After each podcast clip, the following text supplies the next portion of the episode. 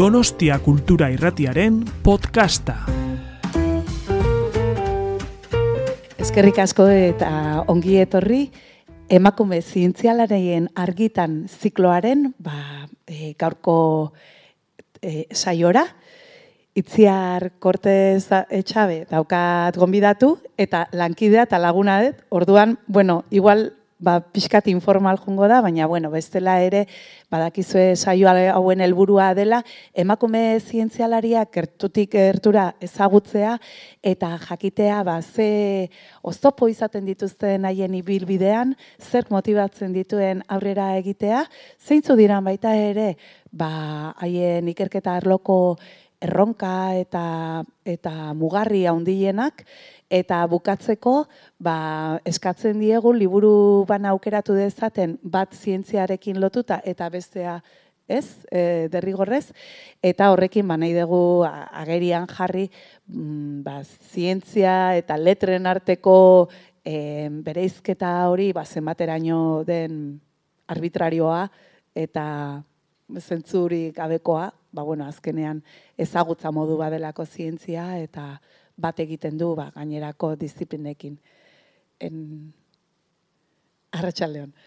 Orduan, ba, bueno, besteri gabe aurrera egingo dugu, bera kontatuko digulako, norden, ezertan da bilen, eta azteko nola iritsi den ona. Esan dute luiarreko lankide dudala, baina hori baino lehenago egin zituen generitza informatikoko ikasketak, eta ez da ohikoena neska batengan, ez bere garaian, e, e, bueno, ez da espaldi ere, baina gaur egun are gutxiago, eta hori bada pixkat, ba, digarria.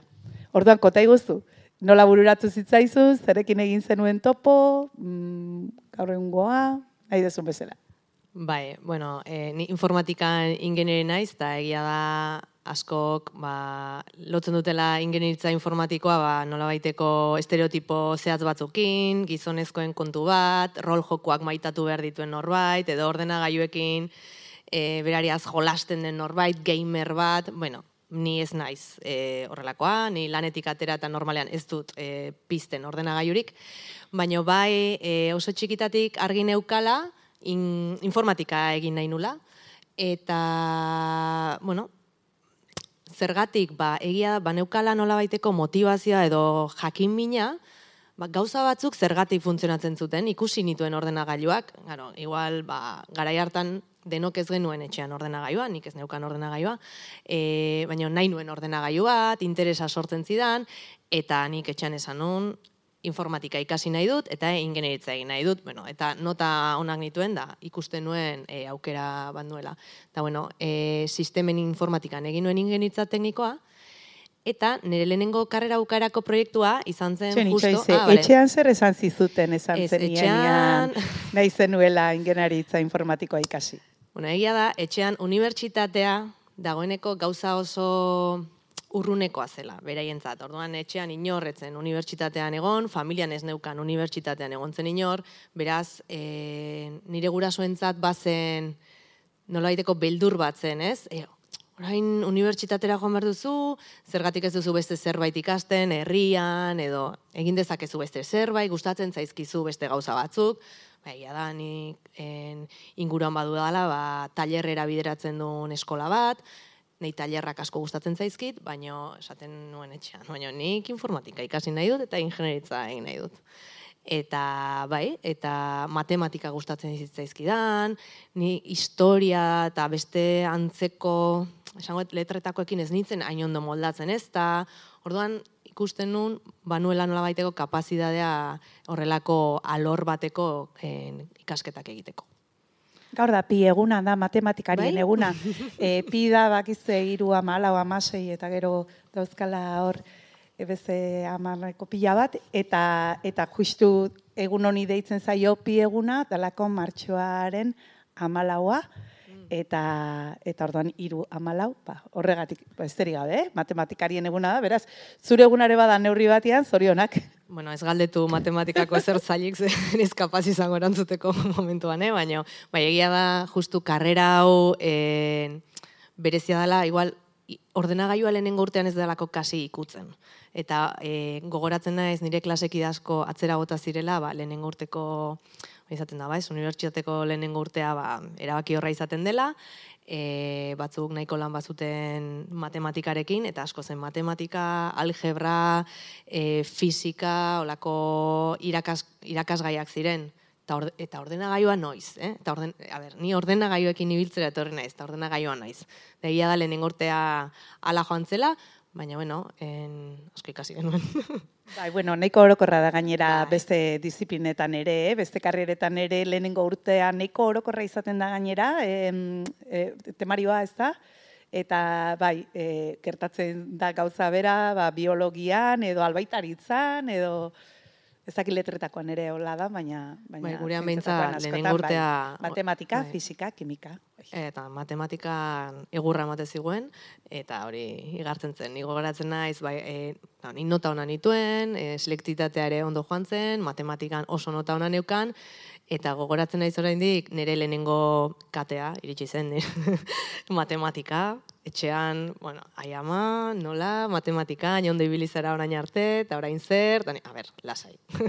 e, bostek gainditu dute, ez da ez zerre pasatzen, baino.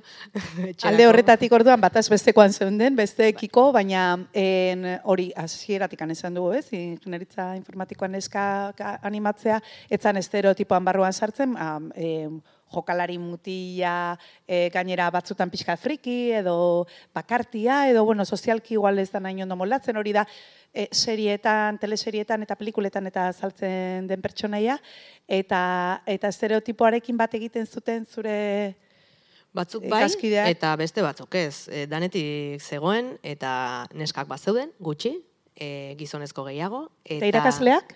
Danetik. Irakasleak denetarik, eh, emakumezkoak zein gizonezkoak. Eta ez, e, ez zait iruditzen bereziki frikiak edo estereotipoa betetzen duten jendea denik, bai, daneti dago. Bat, kontuanik ikasi nuen e, ikastetxean, informatika fakultatean donostian, ba, ikerlariak dira, bueno, en, igual, bai, bueno, dake beste perfil bat, ez dakit, eh? baina orokorran ez dituzte estereotipoa betetzen zituztenik.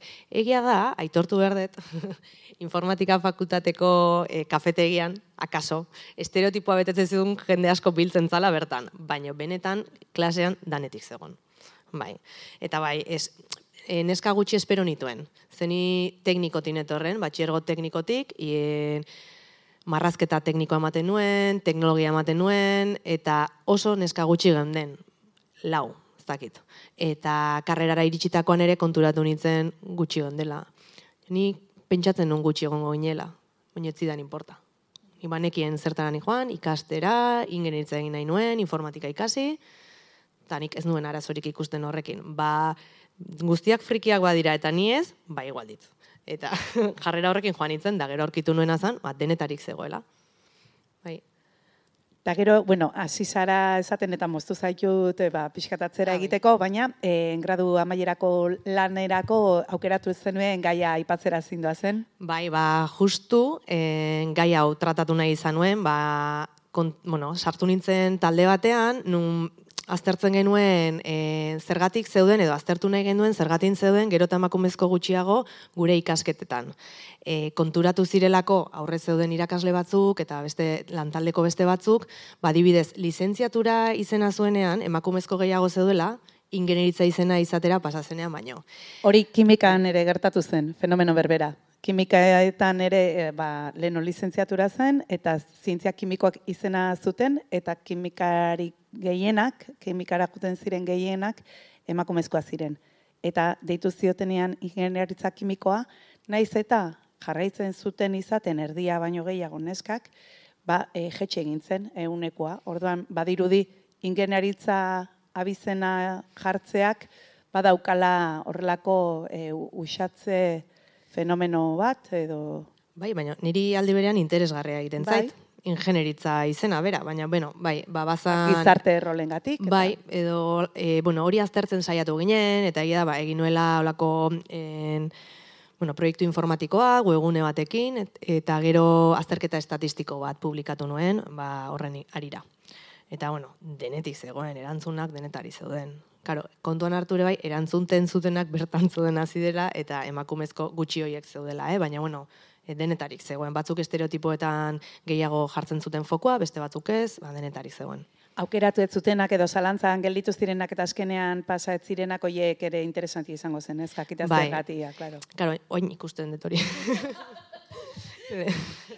Berriro egin beharko duzu ikerketa.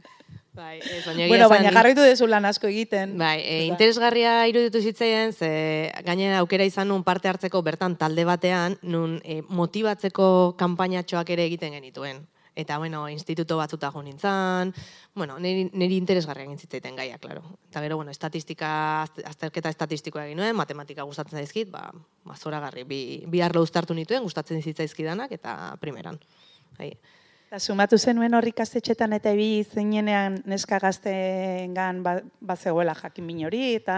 Ba, ez dut gehiegi gogoratzen, baino nik uste arrotza egiten zitzaiela esplikatzen genuen guztia, edo zergatik datoz hauekona hau esplikatzera, edo pixkat horrela, bai. Bueno, normala, segura asko Bai. beste interes batzu zeukaten eta oso oso urruti ikusiko zuten, ez? Ziur. mundu hori. Bai, Bai. ziur. Eta gero, ja, e, bukatu zenuenean e, lizentziatura, kasu hartan lizentziatura. Bai, hori da, inun teknikoa, eta gero inun e, erabaki nun beste bi urte jarraitzea, eta hor bai, ja sartu nintzala gaur egun sart, gaur egun nabilen munduan sartu nintzen, egin nituen bi urte gehiago, eta... Bai, ez duk ezurrik esan, eh? hizkuntza ere dugu. Hizkuntzaz, bai. Eta praktikaldi bat egiteko aukera izan nuen eluiarren, eta bertan ja ezagutu nuen eluiar, eta gero ja egin nuen e, karrera bukarako proiektua bertan. Eta orduan hasi nintzen, itzulpen automatikoarekin lanean. Ezakit ezagutuko dezuen, eluiar. E, ba, benetan, claro, guk igual normal normal esaten dugu, ez da? Bueno, oso askar esango dizuet, e, eluiarren ba, hizkuntza teknologiak lantzen direla, e, gero hiztegi gintza, hiztegia ezagutuko duzu seguru asko, zientziaren gizarteratzea, eta hemen daukazue adibide bat, ez, aldizkari batzuk gero eraman itzazue, lasai asko, eta egiten da baita ere aholkularitza, e, ba, arlo desberdinetan, ba, bai euskera planak, e, genero e, oberdintasuneko planak, e, parte hartzekoak, eta gutxi gora bera, hoiek eta, bueno, ba, bazuk orduan praktikak egin zenituen hizkuntza teknologien arloan. Bai, eta hor jarraitzen dut. Orduan ikusi dut nola baiteko bilakaera, ze aurrekoan solasaldiari buruz hitz egiten anarekin, eta, karo, pentsatzen jarri nintzen, esaten nuen. Ze teknologia zeon orduan punta-puntan eta Claro, orain, ez da? Nik proiektu egin nuenean erabiltzen zen estrategia edo itzulpen automatikoko sistemak sortzeko estrategia gaur egun ez da erabiltzen. Zuzenean. Eske, pff, egia da, e, orain gauden puntura iristeko ziur hortik pasa beharra zegoela, eh? Baina hasi nintzen pentsatzen dezan, nire lana hor gelditu zen. Bai ez, helen egiten zen pixkat e, itzulpen automatikoa da azkenean eskatzea makina bati berak itzuli dezala. Eta e, euskeraren gramatika hain desberdina izan da e, bueno, ba, jatorrizko hizkuntza edo helburu hizkuntzak handikona itzultzeko edo e, euskeratik ara, ba, gramatikan jartzen zen indarra handia, ba, nola egin egiturak, ez da, itzulializateko eta gero ordenatu esaldiak eta hor zeon, Ba. zuaitzaiek ez? Bai, hori da, e, ikastetxean txikitan ikasten genituen zuaitzaiekin egiten genuen lan, eta gogoratzen naiz ni e, karrera ukarako proiektu egitera sartu nintzenean, proiektu handiago baten parte, parte nintzen. Eta gaztelaniatik euskarara itzulpen automatikoko sistemak sortzeko, hiru estrategia probatzen ari ginen. Eta gaur egun ez dugu hiruetako bat ere ez dugu erabiltzen, bai? Orduan, bueno, hori gogoratzen hasi nintzen esan nuen, ziur nago hortik pasa egin bertzela, ze urteak behar dira eta ibilbide bat behar da eta esperientzia bat behar da iritsi garen tokira iristeko, baina ez da erabiltzen. bai. Eta hurrengo pausua zein izan zen? E, sistema za, gaur egun zarkitu eta gelditu diren hoietatikan gaur egunera iristeko, hor bitartean zer gertatu da, e, ba, emateko horla, horlako iraultza, benetan iraultza deitzia dago, ez da? Bai, azken finean, bueno, nik emarkatuko nuke adibidez, 2006an matxin itzultzailea atera zen, zala gaztelanitik euskerara itzulpenak egiteko lehenengo sistema librea gainera, e, unibertsitateak, EHUko unibertsitateakin batera egin genuena, Eta hori bai da mugarri bat.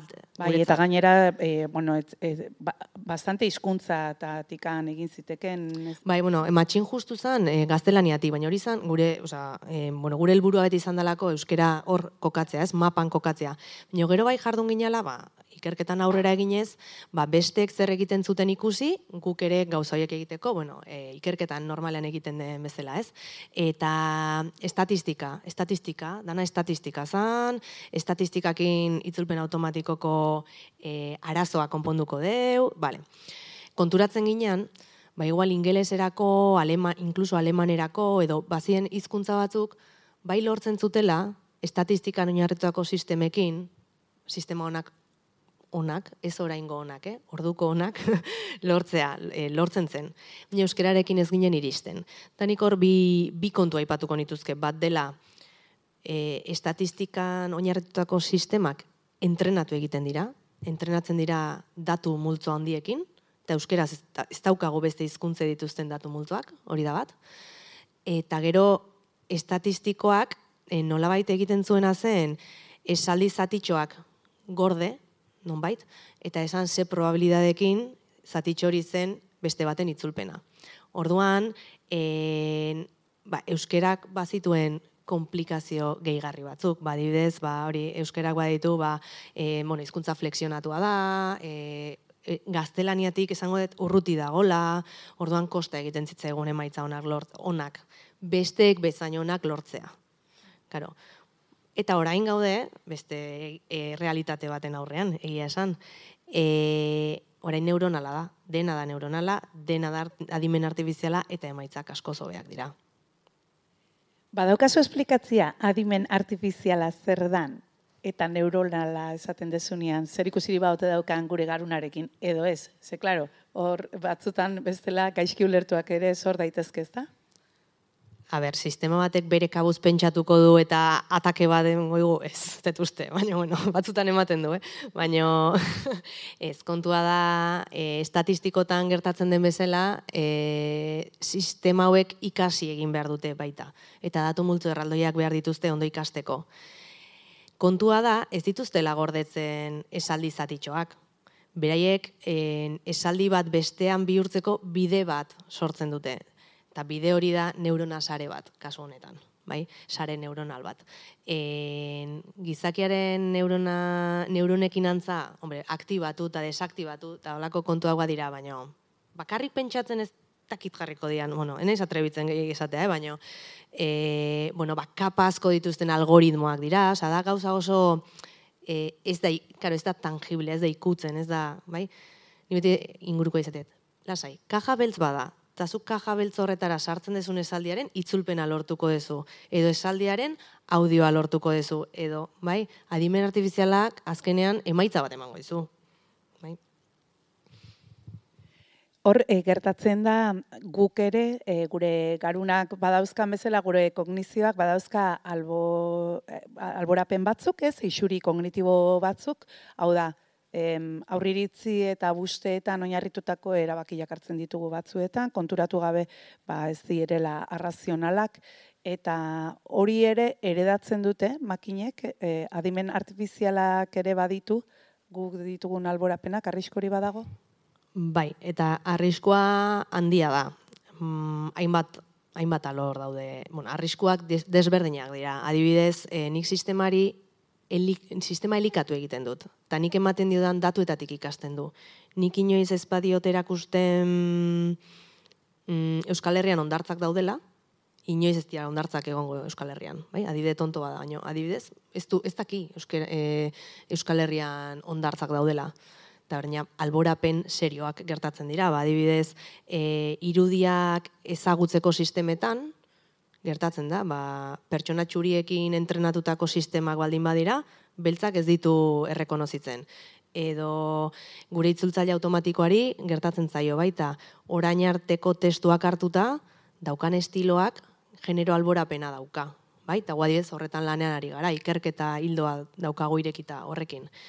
E, eta olakoak, ba, ez du ikusi, batzutan ez daki sortzen, bai, ez daki gai hori buruz. Eta hori da adibidez, beste kontua da, orain sistema gehienak edo sistema handienak ari dira sortzen estatu batutan, oso ingelesarekin lotutakoak, e, ez dakite realitate guztia hoiek, baina hoiei, sistema horiei ari gara galdetzen.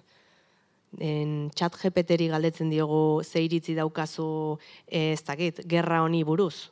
Ta, bera, estatu batutatik gerra honi buruz esango du. Bai? Ba, olako, claro, olako kontuak gertatzen dira baita. Aipatu dezu, ari zaretela e, horlako arazoa konpontze, konpondu nahian, adibidez generoari bai heldu diozue, eta horretarako e, ja sortu dezue metodo bat, eta, bueno, hobetzen ari zarete, baina metodo hori hor, horrekin ze konpondu nahi da, zeratako Bai. arazori ematen zaio irten bidea. Bai, kasu honetan, en, lanbideekin egin dugu lehenengo saioa, esango dut, esperimentuak, bai? Egin duguna da, e, konturatu gara, gaztelaniazko testu baten, eh, barkatu, euskerazko testu baten itzulpena egiten dugunean, euskaraz ez dugu genero markarik. Ta nik jartzen bat e, adibidea da betikoa, eh? baina medikoak esan dit, gaztelaniaz jarriko du el médico me ha dicho. Bai, baina jartzen badut erizainak esan dit, jarriko du la enfermera me ha dicho, bai? Orduan, e, horretarako guk sistemari esan behar diogu, daudela emakumezko medikoak eta gizonezko medikoak eta emakumezko erizainak eta gizonezko erizainak. Eta berdin beste lanbide batzukin. Orduan saiatu garena da errealitateari, osea, e, testuetan errealitatea hobeto islatzen edo behintzat e, desdoble hori e, jartzen, bai? Eta horrekin ari gara lortzen, ba behintzat e, bizibilizatzea, osea, hobeto itzultzea, bai? Gero beste kontua da baita, ari gala e, justu itzulpen automatikoan testu ingurua ere kontutan hartzen. Horrek esan nahi du, aurrez ja baldin badakigu emakumezkoa dela sujetua, ba, urrengo esaldian ere jakitea emakumezkoa dela. Horrelako kontuak, ze, Adibidez izena e, daukalako, ez da? Ba, Maria mediko baldin bada, bueno, baina badauka berak lotzea e, Maria emakumezko medikoarekin orduan. edo jartzen badu mediko. honen arreba da, bai, bakizu emakumezkoa dela. Ez da aizpada arreba. Bueno, olako, olako kontuekin ari gara, baina bueno, hori da, e, hori ikerketa mailan daukagu, oraindik ez daukagu hori nion probatzeko, baina bueno, ikerketan ari gara gauza horiekin eta torriko da, hori ere. Horra aipatu ditugu ja mendikan e, ba, matxin, saren neuronalak zer diren, hor Google dago, 2006an, ze gertatzen da Googleekin? Bai, Googleek, bai, hau da pixkat e, hizkuntza teknologiak, baina justu da itzulpen automatikoakin lotuta, bale? Igual gero esplikatzea daka, hau, itzulpen, oza, hizkuntza teknologiak zer gehiago dian, baina Ah, Hori da, hau Bai. izango litzateke... itzulpen eh, automatikoakin. Bai. Zesaten nun, bueno, niretzat adibide errexena esplikatzeko eta danok ulertzeko itzulpen automatikoa, ze segurazki danok erabili dugu itzulpen automatikoa edo erabiltzen dugu. Eta bueno, nik hori 2006an matxin jarri dut lorpen bezala, ez? E, gaztelanetik euskerara egin genulako. Eta gero bai, e, sare neuronalak e, aplikatzen hasi ginean, bai? Ah, bai. 2006an Google atea zituen lehenengo sistemak. 2017an Dipel e, sortu zan, ez dakite zautzen dezu, baina Dipel e, derrepente agertu zan. Oso ona da. Baina gu ja 2018an euskerazko lehenengo sistema atera gendun. Ez gabiltza hain urruti. Bai, hori hori nahi nun pixkat erakutzi. Eta 2019an eluiarrek elia kaleratu zuen. Bai, eta ez gea Google, bai, ez gea Dipel, baina bueno, hor gaude, bai. Eta iruditzen zait, gaina, e, ze garrantzitsua danez, geuk eukitzea, geure teknologia, geure hizkuntzana, ba horrek ematen diola beste balio erantzi bat bai. Bueno, ni aprobetxatuko dut, ba, be- berak ezulako egin golotxa emango dio, baina aplikazio eliarena, ba, jetxi dezakezu adibidez mugikorrera, eta benetan da praktikoa. Eta hori ja esaten dizuet, erabiltzaile modura, eta ez eluiarreko anagalarraga modura. Bai, eta, bueno, hau da, adibidea e, itzulpen automatikoakin, baino, claro, zergatik aigea gauza hauek egiten, ez, eluiarretik, ez? Nik, nik gustatzen zait motivazioa esplikatzea, eta batzutan oso gauza grafikoa esplikatzen, eta hau bai gelditzen zaigula, eh?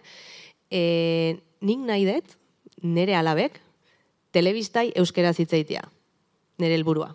Eta uste, eluiarrek eh, hori hori hori iten lagunduko itela, ez? Eta hortako dia hizkuntza teknologiak, ze nire alabak hartzen mandua, eta esate jo, Open Netflix. Claro, nik nahi dut esatea, ireki Netflix, edo ireki Disney, edo ireki nahi dezuna. Baina ez esan, open, claro. Baina telebistak ez daki euskeraz.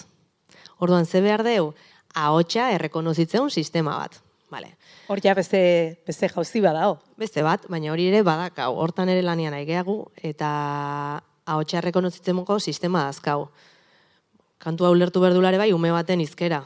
Bai, bueno, ba hori ere ingo deu. Bai, baina pixkanaka lortu berdeuna da gure eguneroko gauzetan sartzia teknologia hauek. Ze bestela, ez baditugu erabiltzen, euskera ez dago digitalean.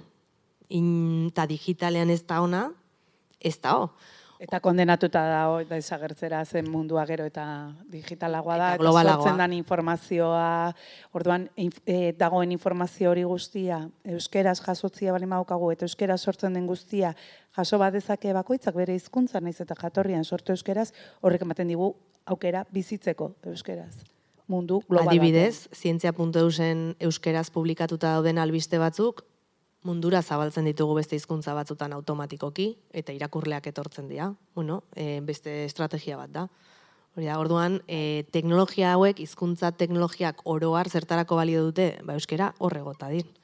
Eta honekin ez nahi esan, gaizki gaudenik eta ze da hizkuntza gutxitua izateko, euskera oso ondo kolokatuta dago hizkuntza teknologien munduan esango dut, bai?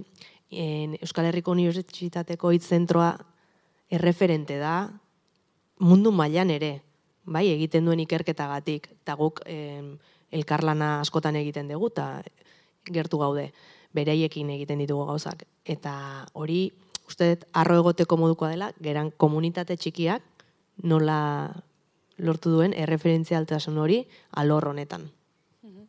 Aipatu duzu ahotsaren ezagutza, ahotsarekin eh, ahotsaren sintesia ere egiten dezue hori zer da eta zertarako? Ba, adibidez, e, gure guk mobilaire hitz egiten diogu, ez? Sakeleko telefonoari hitz egiten diogu, bertan e, laguntzaile virtualak edo ditugu, ez? Eta hoiei ere ez diegu euskeraz egiten ezin delako, bale? Baino arek erantzun egiten dizu eta erantzuteko ahotsak behar dira eta ahots horiek kasu honetan euskaraz jakin behar dute. Orduan horretarako ere sistema batzuk badaude testua ahots bihurtzekoak. Gainera, eh, ahotsa ere imitatu dezakete, dakizu bezala, na? erabili deulako zure ahotsa e, esperimentuak egiteko, e, eta geroz eta errealistago eta naturalagoak dira ahots horiek ere, ez dira garai bateko igual robotikoagoak ziren ahotsak, dira naturalagoak, gizakia ordezkatzera ez datoz, baina en, kasu batzutan oso erabilgarri izango zaizkigu ahots horiek. Bai, e, e, zalantzari gabe adibidez, irisgarritasunaren ikuspegitik, ba, agotxoiei esker, norbaitek entzun dezake testu bat, ez? Ez bada gai irakurtzeko, ba, nahikoa du jotzea e, horrelako aplikazio batera, edo integratuta bani mauka gurian bezala, baina bertan, eta are gehiago aukeratu zea hotxa nahi dezun, izatea zure irakurlea, eta eta irakurriko dizu testua. Nik ingoet kuña publizitario ordunez, aldizkaria, aldizkarikoa, aldizkaria irakurtzeko, ez, aldizkaria irakurtzeko aukera ematen digu horrek, entzuteko barkatu. Aldizkaria entzun dezakeu kotxian, edo Edo hori, edo ikusmen arazoa dauzkan norbaitek e, ere e, ba, iriz dez, jaso ditzazke eduki hoiek e, bideotranskripzioak ere egiten dituzue. Bai, eta gero agian en, kontzeptualki zailagoak izan daitezken kontuak en, datu mehatzaritza daitze zaion beste alor bat ere ukitzen dugu. Azkenean, datuak kontsultatzeko modu soil bat eskaini nahi zaio azken erabiltzaileari, erraza, baina alik eta informazio gehien ateratzea datuetatik. Badidez, e, enpresa batek baldin baditu milioika datu, ez badin badaki horiek nola gestionatu, nola erabili, nola bilatu hor, hori egin daiteke. E, modu zehatz batean gorde, bilaketarako sistemak sortu, eta hor ere, hizkuntza naturalaren prozesamendua da guzti hori. Bai. Eta zein da zuen urrengo helburua? E, zer, nor, nora bideratuko zinatekete edo zuk ikusten Bai, ez duzue, nuke edo nola? aipatu gabe utzi nahi, chat GPT-a. Ezta? Bai, Hori da hurrengoa. Ah, bale. Horta jongo Baina, da. baina bai. Bueno, gaina daukagu primizian, Bai. eh, eh, bueno, zuk eman didazu albistea eta orain txatera da, ez da? Bai. Ba, ez dakit badakizu. Badakizu zer dan txat? Esplikatu zer dan txat GPT, mesedez. Bueno, a ber, eh, justu eh, dago en, eh, bueno, enpresa berri bat, Open AI, eh, igual ezagutuko dezue, bueno, chat GPT sistemak atera dituna, eta orain dela ordu bete eskas eh, publikatu dute bertsio berri bat atera dutela. Chat GPT lau, orain arte irua zegoen, orain laua. Eh, aurrez entrenatutako eredu erraldoiak dira, bai, esango dut asko dakiela hizkuntzaz, hizkuntza bakoitzaz, bueno, hauek ingelesez daude, eh? baina asko dakite hizkuntzaz, eta asko dakite, bueno, erantzuten dakite. Eta oso ondo, gainera. Hain, hain ondo erantzuten dute, esaten duen guztia sinetxe egiten diozula, ziur. Eta lankide batek aurrekoan esan zidan, nola erabiltzen zuen berak txak GPT-a. E, eskatzen Idatziza, eh? Idazten duzu eta Bai. eta ematen dizu erantzuna. Eta ematen du erantzuna oso koherente eta lortzen du informazioa ezakigu nondik, baina ez da kortapega hutsa. Eh, Ez, gaine- sortu egiten du. Ikasi Hauek- egiten du da. eta sortu. Hauek badakite sortzen hizkuntza. Eta orduan elkarrizketa bat eramateko gai diren txatak dira, txat, txatak dira. Orduan, gure lankide honek, en, esan zian, e, bakizu zertarako erabiltzen dudan da, zertarako eta esaten dio, e, idatzi jazu, osea, bueno, moldatu diazu e-mail hau, oraindik eta, osea, sinonimoekin eta hitz tekniko gehiagorekin hobeto gelditzeko. Eta e-maila jartzen dio. Eta ez dugu, bueltatzen didan e-maila, da, zoragarria, eta hori bidaltzen. Hola formalago izan dadin, eta bueno, kontua da, en, badaukagu, eta hori ere alborapen bada, iruditzen zaigu makinak ematen digutena neutroagoa dela, ba, leno esan dugun bezala, ez, alborapenak badituztela, hoia detektatuta dauzkagu, baina hau gaina gezurteroa da. Eta hori ere, ba, kostatu iten zaigu sinizia, ez? E, ematen dizkigunean erantzuna bilaketarena, ez dugu zalantzan jartzen, nun baitetik hartu ditula, eta jatorrizko iturri hori, fidagarria izango dela iruditzen zaigu, gaina nola, inbeste erantzunetatik goian daudenak, zerbaitegatik ongo dian orgoian, honek ere erantzuten dizuna. Baina horre ere... Ziurtzat ematen du, baina Ez dugu en, lortu beharko genuke sistema horiekin kritikoagoak izaten ze oso ausartak dira, ez dira isili geldituko beti beti eukiko dute erantzun bat. E, itzulpen automatikoak beti itzuliko du zerbait. Ondo, pff, batzutan. Alberto Barandiaran idazle eta kazetariari gertatu zitzaion e, Euskaldun non egunkariaren itxieraren urte hurrena izan da duela gutxi, eta galdetu zion txat GPT-ri ia gaztelania zuzet egin zuela gaina proba, bai. En, zertan gelditu zen kontua? Ze gertatu zen eta zertan gelditu zen? Eta erantzun zion, ba, bueno, azkenean, eta hori egia da, e, ba, askatu zituztela, ez da, ba, nola atxiloketak eta izan ziren eta zergatik, baina gero, e, ba, ez zutela, e, ez zituztela errudun izendatu, eta azke gelditu zirela, eta kalte, kalte ordainak jaso zituztela. Eta zan zion, abai? Kalte ordainak, klaro, behaz, tartian. Kalte ordainak, bai, langile guztiek, langile guztiek, nik, ah, langile guztiek jaso genitu, zenbat, zenbateko kalte ordaina. Ba, jarrizun, jarrizun zenbatekoa. Asmatu egintzun. Eta esan zion, ez asmatu indezu, ez da, ez da hori horrela. Ah, bueno, eh, bale, ba, kasu hauetan bai izaten dira kalte ordainak, eta, baina, bueno, honetan bai badirudi ez ez. Baina konversazioa, eh? Da, eta gaina hori, ba, gustora gelditu zaitezen, orduan. Bai, Badaukate, ba, ba, arrisku hori dauka, gainera Bai. ateratzen du informazioa. Bai. Lokala da informazioa, ez. Ez. Ba, euskalo, ba, beste epaiketa, antzeko epaiketa batzuetan ikusiko zuen, e, kalte ordaina ematen zitzaiela, logikoa denez, e, kaltetuei, eta, bueno, ba, hortik tiratuko zuen. Eta asmatu egin zuen datu bat existitzen ezana. Berez, hori ez du inundik hartu. Ze- Bueno, eta hori denekin gertatzen zaigu, eh? Sistema hauek guztiak badakite erantzuten. Oin, erantzuna ona da, edo ez, norberak erabaki behar du. Bai? Ze, zuk esan diezaiokezu existitze ez, ezten esaldi bat es- esateko sistema bati, eta esan egingo du. Gaizki, bueno, ps, esan egingo du. Eta horren aurrian e, nola dao kritiko izatea eta nola daukagu erne egotea eta bere iztea, orain arte ere kostatzen lima zitzaigun ez, jakitea jasotzen dugun informazio hori zenbateraino den egiazkoa eta, bueno, ba, ikasi ditugu ba, iturrietara jo, e, galdetu beti e, e, dakinari, baina ez daukana lotura eta interesik ba, informazio hori ematen duen arekin ez, kontrastatu, alegia. Hauekin, nola zer egin behar dugu? Nik uste, aurrena konturatu behar deula, hau, gelditzeko etorri dela, eta kritikoak izan behar duela norberak sistema horien emaitzekin. Beti izan behar dela kritiko. Ez horrek esan dulako, bai. Bueno, pertsonekin berdina gertatzen da, eh? Posible da norbaitek ez da. Arek esate bau, bai, ba ez. Pentsatu, mesedez. Principio da autoridad deitzen zaio gaztelaniaz, eta autoritate principioa izango da euskeraz, ez da? Edala, e, nork esan duen, a, ba, a, ari siniz. Hori da, eta teknologia hauek jarraituko dute aurrera egiten, eta are hobeak izango dira. Eta horren aurrean jakin behar dugu guk ere herritar bezala e, jok, bueno, jokabide bat izaten, ez? Edo bai, e, jarrera bat izaten ezin dudanak honekin aurrera, osea, erabili egingo ditugu denok, eh? Adimen artifiziala daukagu mugikorrean, telebistan, Spotify, osea, danean dago adimen artifiziala. Eta gustatzen zaigu. Ze niri Spotifyk eskaintzen dizkidan kantak, zoragarri.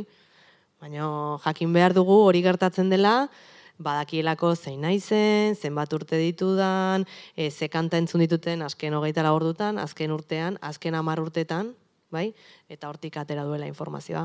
Osea, nik uste Alegia, ondoko la, lankideak baino hobeto ezagutzen gaitu Patrikan daukagun Ziur. eh, aplikazioak. Bai, ziur. Badaki ze musika gustatzen zaiten, nire aldamenian bizidenak baino gehiago. bai, horrekin bizitzen, nik uste horrekin bizitzen ikasi egin behar deula. Kontua oso azkar doala. Oso oso azkar. E, lasai gen den, txap, chat GPT agertu da, eta hilabete gutxitan e, eskandalo bat da hau. Eta oitu Bai. egin beharko dugu. E, gainera, bueno, e, chat GPT-ri buruz ari gara, tekstuak sortzen ditu, baina testuak sortzen dituzten aplikazio edo programak dauden bezala, badaude irudiak sortzen dituztenak, eta, em, bueno, ba, berdina gertatuko zaigu, ez da, Ukrainako gerratik eh, etortzen zaizkigun irudiak ja zalantzan jartzen ditugu, nork hartuak diren, eta aktore lanak edo egiten harikote diren, zer esanik ez, artifizialki sortuak badira eta ez badago modurik bereizteko egiazkoak diren ala ez ez? Duerko ditugu sistemak edo egiazkotasun hori frogatzeko. Bestela- Eta hor e, legeak, araudiak, e, nola daude beti atzetik? Momentu honetan nola, nola dabiltza? A, adimen artifizialan inguruko lege batekin ari ziren, baino esango Europa mailakoa? Europa mailan, baino oraindik ez dituzte atera denik lanean ari dira horretan, baino eske lanean ari dira eta ialdatu da egoera. Orduan ez dakit lege hori Bai, hori da, Hori- Europako batasunean lantzen ari dira, eta esan dakoa, ba, ja, konturatzen ari dira, azkar. Ibi behar dutela, baina litekena da oso, atera diren de- den ordurako egotea egoera asko aurrikusi ez dituztenak. Eta estatu batuetan berriz, e, hainbat enpresa teknologikok kaleratu dute asmo honeko edo Bai. intentzio honeko e, ma, zerrenda moduko bat, ez da, ze konfiantza izatea daukagu? ba ez dakit ze en, algoritmoak Osea, ikusi ditut, eh, adibideak, ba, enpresa hau sortu da, e, etikoki, asmotxarri gabeko sistemak sortzeko. Ba, Asmotxarra, azkenean, pixkat, e, e, ez, da, ez da gauza objektibo bat, bai, subjetiboa da, orduan, horrek ez dit, neri ez dit gehiagi balio, baina, bueno, ez dakit. asmo honak, Googleek asmo ona ditu, hm, ba, harritze zait, ba, ez dakit. Ba, zuritzeko egingo ditu, ingo du dekalogo bat, baina, bueno, asmo ona, bai, diru irabaztea, eta, eta gauza gehiago. Bueno, horregatik ez diogu erabiltzari guzten, hori da bestea, ez? Hori guztia jakinda ere. E, gure, guri buruz dena daki, bai, baina nik erabiltzen jarraitzen dut. Bueno, ba, zeingo diot, ba, bestelare, besten duen nundi jasoko ditu nire datuak, egia esan. Ni nahiko seguru nago, eukiko dituzuela gai honi buruzko galderak, orduan e, pasako gea ja azkeneko atalera, gero galderak egiteko, eta horrela ba, e, izango dugu tartetxoa erantzuteko eta. Hitz egiten ari garen guztiarekin badauka lotura ekarri dezun liburetakoak, bi liburu ekarri ditu, ez zaizkigu zuzeintzu, eta igual euskaliatik hasiko gea, ezta? Vale, e, Euskalia da oindik irakurtzen nahi naizen liburu bat, vale? Ni naiz oso irakurtzal, Konpromiso batian jarri dut. Bai. E, baina, bueno, e, ezaguna nun idazlea, Mikel Alvarez Arriegi da, eta banekin gauza oso estrainoa izango zala liburua, eta ala izaten ari da, eta asko gustatzen ari zait, oso ondo idatzita dago, aurrekoan berarire komentatu nion, ea sari bat irabazizula, eta horren arira idatzi dula e, liburua, eta egia esan oso guztu irakurtzen nahi nez, tartea, tartea ditu danean, ba, irakurtzen dut bai. Eta esaten unik badaukala lotura hitz egiten ari garen honekin distopia badalako etorkizun batean e, jartzen gaitu, baina bueno, txiri buelta handi bat ematen du eta oso modu humoretsuan gainera, ba, e, distopia horretan euskera da hizkuntza supremacista eta nagusia eta zapalduta eta e, txikituta da ona da gaztelania orduan gaztelania hitz egiten dutena ba sentitzen dira baztertuak eta Eh, zango bai, nuke... Euskaldunak mundua dominatze daukazu hontan. Bai, bai, bai, bai, bai, bai, bai. Adimen artifizialari eta horrelako konturi ezio harreta jartzen, baina bai adibidez, e, genero e, zeari, harremanei, e, botere harremanei, generoaren arabera, horre proposatzen du, beste, beste erabateko harremanak, ez da, botere harremanak, Bai, eta, bueno, nahi gustatzen nahi zaite, baina hori da, bai, e, da diferentea, ez da betiko relatoa, edo, bueno, ezakit, gauza ezberdin bat irakurtzeko, ba, e, liburua proposa irutzen zait. Bai, uste dut, e, entreteni garria bai. dala guztiz, baina aldi berian ematen ditu ezer pentsatu batzuk, eta... Bai, da mundu aldrebesa... Bai, Bai, eta, eta oso divertigarria, eta, bueno, planteamentoa bera oso originala horregatik bakarrik. Eta usarta. Usarta, bai, bai, bai, bai. Bai, eta bestia, beste liburu aukeratu etena, zientziarekin loturazun liburu bat eskatu zian aukeratzeko anak, eta zientziaren izarrak ekarri dut, bueno, elu jarrek argitaratutako liburua da, eta erabakinun liburu osoa ez irakurtzea. Eta ze ipuintxoak, bueno, ipuintxoak da pertsonaia bakoitzari buruzko ataltxoa daka, eta orduan ba igual udan da hola ba, bat irakurriko eta gero beste bat irakurriko eta hola hola nabil honekin. Bai eta ze ni oso txarra naiz izena gogoratzeko. Orduan ez galdetu mesedez ze ez dakit zein dat ateatzen dian baino ordun banaka irakurtzen ditu ze izenak ateatzen dira eta banaka irakurtzen ditut. Baina egia da gustatzen zaitela erreferentzia bat bilatzea. Ba, emakumezkoan erreferentzia hori bilatzea gustatzen zait eta egia esan bueno oso ondo idatzita da baita eta oso gustora irakurtzen da eta motxak dira liburutxo. Egoitzetxe beste aduriz da egilea, e, iru horri dauka biografia bakoitzak, emakume zientzialarien biografiak dira, kontatuta oso modu literarioan, gila esan, ez, ez da datu bilketa bat, baizik eta kontakizun historio modura daude emanak eta ilustrazioekin lagunduta ba, irakur erresa da, eta ba, irakur daiteke poema liburuekin egiten duzun bezala, ez da, hartu, irakurri, e, utzi bere lan egin dezan, ez da, hartu dezan.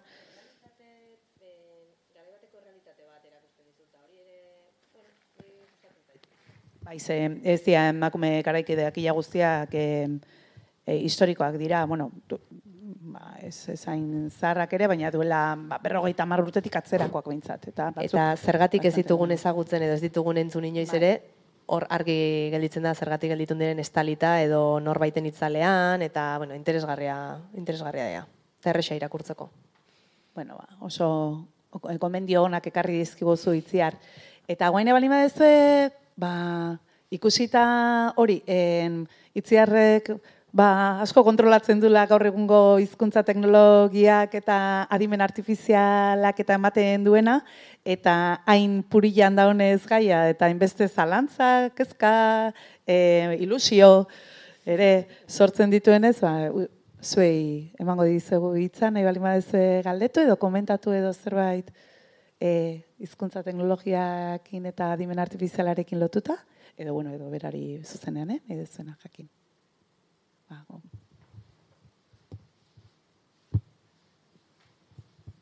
bai, gaitxo. E, bueno, nire galdera zan, batez be, a ber, Euskaldunak, azteko gutxi gara, geroz da gutxi hau, zoritxarrez, eta indarra be, inaldogun indarra, bai, badakit, inbertsioa onditxak egiten direla, eta baina inaldogun indarra be, ba, ez da oso onditxa. Ez da, ez da kasue pentsauta, ba, dipel bezalako plataforma batekin elkarlanian aritzia edo. Ose, bon, Neta dipel da zora baina asko lagunduko zebala uste dut, bai euskera zabaltzen, hor plataforma hortan sartu eskero, ba, nik uste indarra hartuko zebala euskeriak, bai. Eta aparte, dipelen motorra edo, bas, nik uste oso potentia dela, eta ez dakit, euskeriari be lagunduko. Osa, pixkat, elkar eh, elikatze bat egongo zela uste dut. Ez dakit, ze pentsatu zuen. Bai, bueno, nire iritzi emango, eh? baina irutzen zait e, dipelen helburuak eta eluiarnak kasu hontan ez diala berdinak, hori da bat, eta en, euskera horreotia uste dipelei etzaiola interesatzen oraintxe, ze oso hizkuntza gutxi dazka, eta azkan hizkuntzak oso ondo dabiltza, eta hizkuntza oso potentia dazka momentu hontan. Orduan, eske euskera oso txikia da. Osea, en, eta hor, e, beti iruditzen zait olakotan indarra emateko, behar dela, osea, e, apostuen berko gendukela pixkat hemen. Bai, eta apostua dator dirutik, eta dirudua dator administraziotik, eta segurazki hor impulso handiago batekin ba, gauza gehiago lortuko genitun. Jo nik batzutan, e, behidatzetola, gure bulegora, osea, gehala laukatu, bai? Behiratzet eta esatet, jo, ba, pila bat egea, osea, irutzaitez, pila bat egea egiten da. Zenba gehiago, osea, nola inberko genduke aurrea eta oso zai aite zait. Zin berde, Google izaldu guria? Adire, bai, adibidez, ez? Ba, baina badak hauitea, eh? Osea, bueno, badak hauitea, Google nahiko balu, baina hori da nahi deuna, ba, pixkat hor, zaila hori da, Karo, nik adiez behin irakurri nunez, e, ba, dipel oso nada ez, karo, daka igual, ba, ez dakit, munduko geita osgarren makina potentiena. Eta gurian unengoa, ba, guri ez da azaltzen, rankinetan, klaro. Bai, e, karo, dazka balia bide batzu guk ez azkaunak. Bai, beste liga bat, edo. Ez ez daka, ez daka. Ez dazka, oso Europa, Europan zentratutako negozioa da, bai. Arek, hauek hasi zian e, korpusetatik, testu bildumak sortzetik, eta hortik gero lortu zuen hortik sistemak sortzea. E, egia da, igual ez dut komentatu, adibidez, Googleek eta inizan ditun aur, e, aurrerapenak ikerketan, gero normalian publikatu inizan ditula. Bai? E, publikatzeitu eta gero bestek hori jarraitzeu ere bai, ez? Eta hori da, beak, e, bere itzulpen automatiko neuronalatea zunean, hor, e, bueno, artikulu bat, pila bat aldiz zitatu da beste artikulutatik, ze ateazun gaina nola ereduelean iztunak egitea zeuden, eta bueno, egia da, e, bueno, hortik asko jarraitu deula, eh? Baina, diez, guai ikusten, e, euskerarako, oza, guain ikertzen, batez ere, euskerarako, baliabide gutxiko, eta baliabide gutxi dituzten hizkuntzetarako nola lortu algoritmo optimoenak. Ze igual ingleserako batzuk balio dute, Eta nola datu asko dauden, ba, ez duen beste eragiten, baina guriak ez dazkain beste datu, naiz teuki milioika hitz, eta orduan behar ditugu algoritmo oso zehatzak euskerarako, eta ointxe hortan nahi gulanian. Eta baita hardware aldetik, makina aldetik, eskakizun gutxixiago behar duten ereduak sortzen ze eskakizuna handia dituzte sistema hauek eredu hauek eta makina asko behar dute. Zagoet makina handia behar dituzte, ikaragarriak. Ordu nahi hortan ebai pixkat, hortan lanian ebai egai pixkat.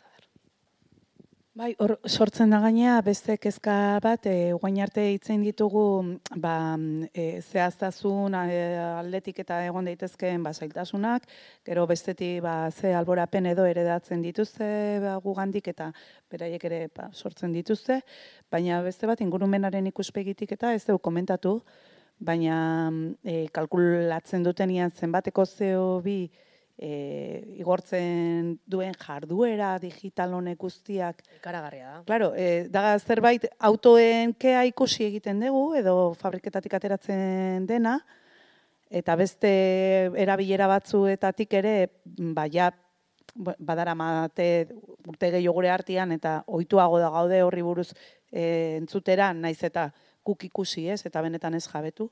Baina oso, denbora gutxi dena amago izaten, ba, benetan, e, teknologiaren erabilpenak ere zeobia igortzen duela, eta gero eta gehiago, ze gero eta gehiago erabiltzen ditugu, baina gainera, gero eta makina potenteagoak ere behar dira. Ez dakit, e, chat GPT lau hori entrenatzeko zer erabili duen?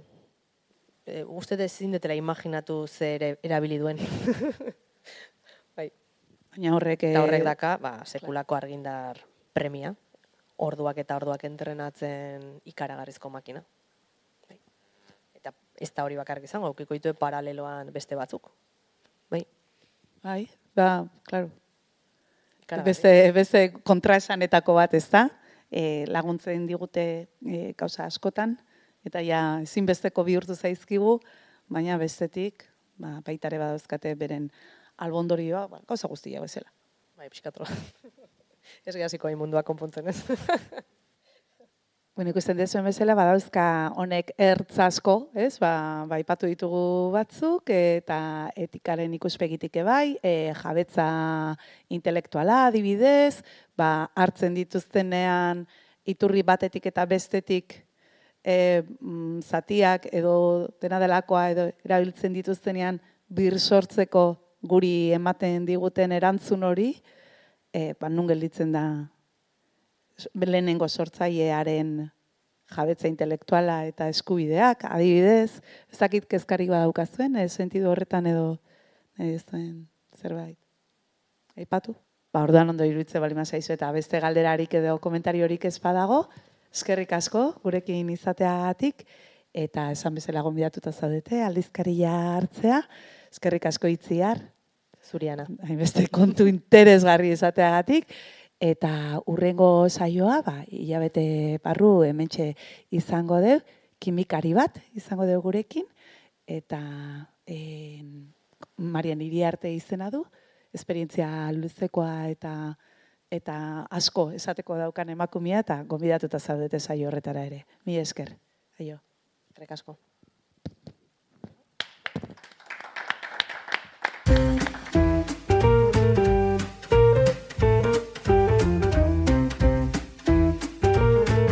Donostia Kultura Irratiaren podcasta.